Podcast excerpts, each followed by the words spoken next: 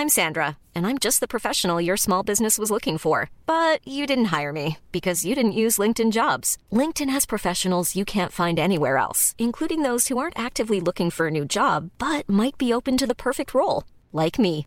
In a given month, over 70% of LinkedIn users don't visit other leading job sites. So if you're not looking on LinkedIn, you'll miss out on great candidates like Sandra. Start hiring professionals like a professional. Post your free job on linkedin.com/people today.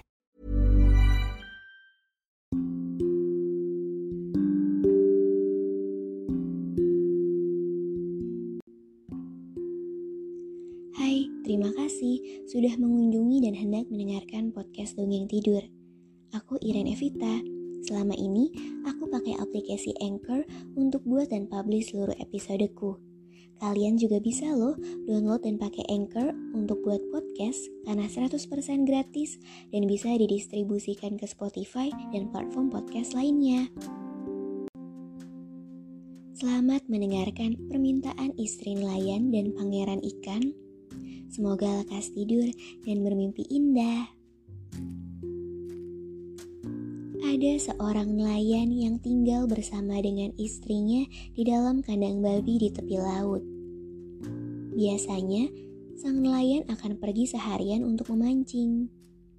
Suatu hari, ia sedang duduk dengan alat pancingnya, melihat ke ombak yang berkilau dan memantau pancingannya. Tiba-tiba, pancingannya menarik dengan kuat dari dalam air, dan saat berhasil ditarik, ia mendapat ikan yang sangat besar. Namun, sang ikan itu ternyata bisa bicara. Katanya, "Tolong biarkan aku hidup. Aku bukan ikan sungguhan. Aku sebenarnya adalah seorang pangeran. Tolong masukkan aku ke dalam air lagi dan biarkan aku pergi." Oh, kamu tidak perlu menjelaskan seperti itu. Aku tidak akan melakukan apa pun pada ikan yang bisa bicara. Jadi, pergi berenanglah lagi, Tuan. Aku telah melepaskanmu. Ucap sang nelayan. Kemudian, ia melempar ikan yang bisa bicara itu kembali ke dalam laut, dan sang ikan pun segera berenang ke dasar laut. Sang ikan meninggalkan garis darah di belakangnya yang tersapu ombak.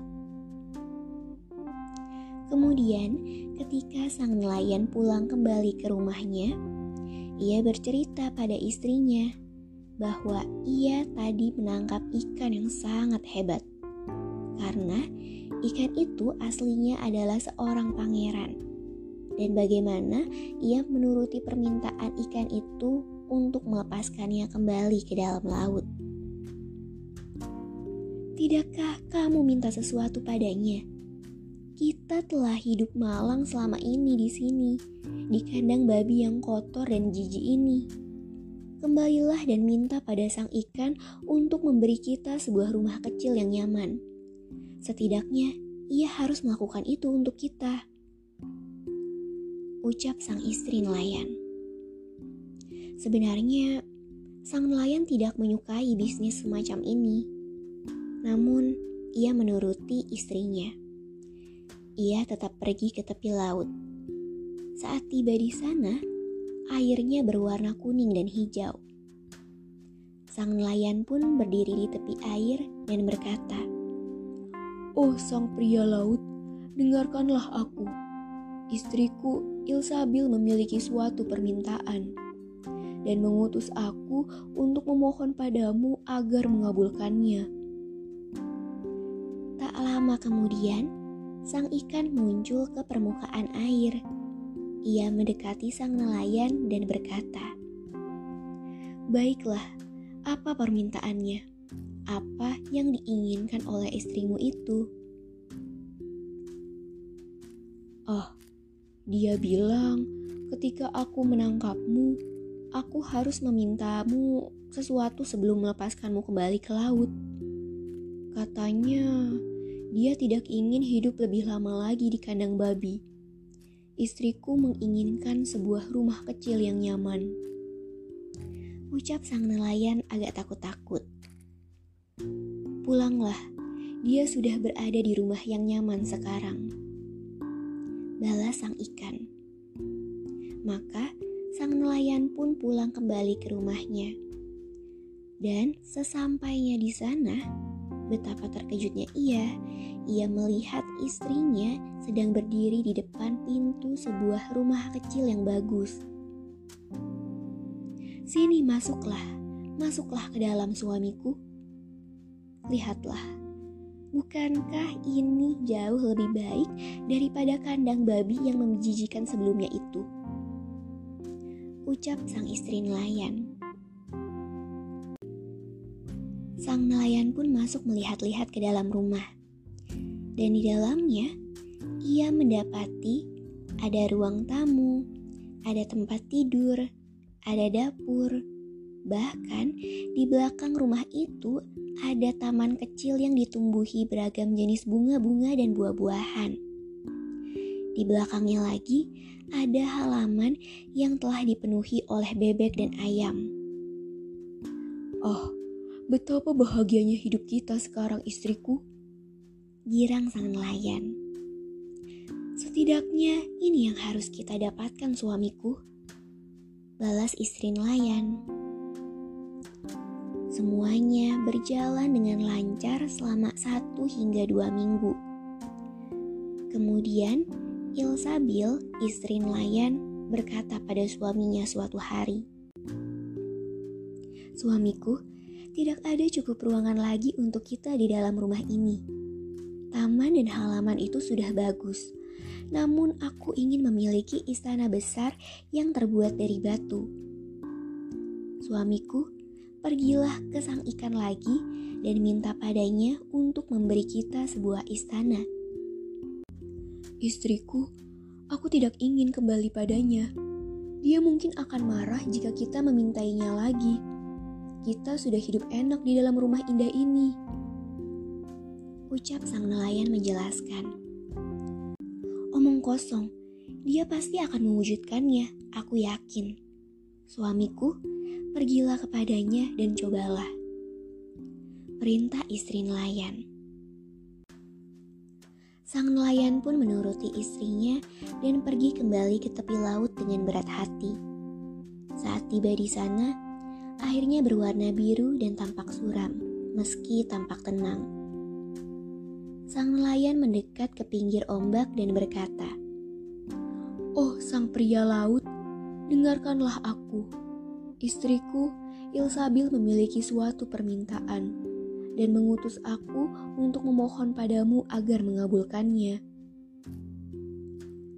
Kemudian sang ikan pun muncul ke permukaan air, mendekati sang nelayan dan berkata, Baiklah, kali ini apa yang diinginkan oleh istrimu. Istriku ingin tinggal di istana yang terbuat dari batu. Ucap sang nelayan dengan takut. Pulanglah, dia sedang berdiri di depan gerbangnya sekarang. Ucap sang ikan. Maka sang nelayan pun pulang dan sesampainya di rumah, ia melihat istrinya sedang berdiri di depan gerbang sebuah istana yang besar dan megah. Lihat, bukankah ini megah? Ucap sang istri nelayan senang. Saat masuk bersama ke dalam istana, mereka menemukan banyak pelayan, ruangan-ruangan yang dipenuhi perabotan, hingga banyak kursi dan meja yang terbuat dari emas. Di belakang istana, ada taman dan sekelilingnya ada lahan yang dipenuhi domba, kambing, kelinci, dan rusa. Sementara di sisi halaman lainnya ada kandang kuda dan rumah sapi. Wah, sekarang kita bisa hidup menyenangkan dan bahagia di dalam istana ini sepanjang hidup kita. Girang sang nelayan. Hmm, mungkin tapi mari kita tidur dulu sebelum memastikannya, suamiku. Balas istri nelayan. Kemudian mereka berdua tidur di dalam istana itu. Esok paginya, ketika Ilsabil terbangun, saat itu sinar terik matahari menembus ke jendela kamar. Kemudian, ia menoleh ke suaminya di sampingnya yang masih tidur. Ia menyikutnya sambil berkata, "Bangun, suamiku, sadarkan dirimu. Aku harus menjadi penguasa negeri ini." Istriku, istriku, bagaimana bisa menjadi ratu negeri ini? Ikan tidak bisa membuat seseorang menjadi raja atau ratu. Ucap sang nelayan dengan khawatir. Suamiku, jangan bicara apa-apa lagi, tapi pergi dan cobalah. Aku akan menjadi ratu. Perintah istri nelayan. Maka sang nelayan pergi dengan susah hati memikirkan istrinya yang menginginkan menjadi ratu. Kali ini Setibanya sang nelayan di tepi laut, airnya berwarna abu gelap, dan gelombang ombak yang tinggi meninggalkan buntalan busa air di kakinya. Sang nelayan meraung. Oh, sang pria laut, dengarkanlah aku. Istriku Ilsabil memiliki suatu permintaan dan mengutus aku untuk memohon padamu agar mengabulkannya dan sang ikan pun muncul kembali ke permukaan air. Ia mendekati sang nelayan dan berkata, "Baiklah, kali ini apa yang istrimu mau?" "Oh, istriku ingin menjadi seorang ratu." Ucap sang nelayan dengan raut dan nada yang penuh kekhawatiran. "Pulanglah, istrimu telah menjadi ratu." Ucap sang ikan.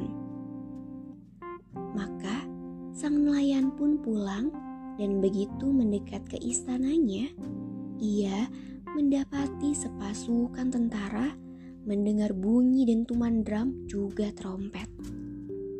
Begitu sang nelayan masuk ke dalamnya, ia melihat sebuah ruangan dengan singgasana. Istrinya sedang duduk di singgasana tersebut dengan mahkota yang terbuat dari emas dan berlian di atas kepalanya. Di samping istrinya, ada enam pelayan berkulit pucat sedang berdiri menemaninya. Setiap orangnya akan lebih tinggi dari di sebelahnya. Masih tidak percaya dengan apa yang ia lihat, ia menanyakannya pada istrinya. Istriku, apakah kamu adalah ratu sekarang. Ya, aku adalah ratu, jawab istri nelayan. Sang nelayan terdiam sebentar, memperhatikan istrinya dari atas hingga bawah. Kemudian ia tersenyum dan berkata, "Oh, istriku, sungguh karunia yang indah menjadi seorang ratu. Kini kita tidak akan perlu meminta apa pun lagi sepanjang hidup kita. Hmm, entahlah, kata tidak akan itu adalah waktu yang sangat panjang. Aku adalah ratu, itu benar.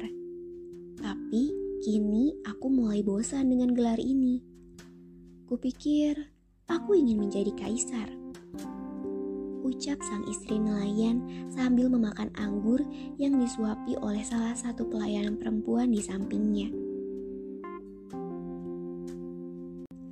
Apakah permintaan istri nelayan menjadi kaisar akan diwujudkan oleh sang ikan? Bagaimanakah akhir dari ketamakan tiada akhir ini?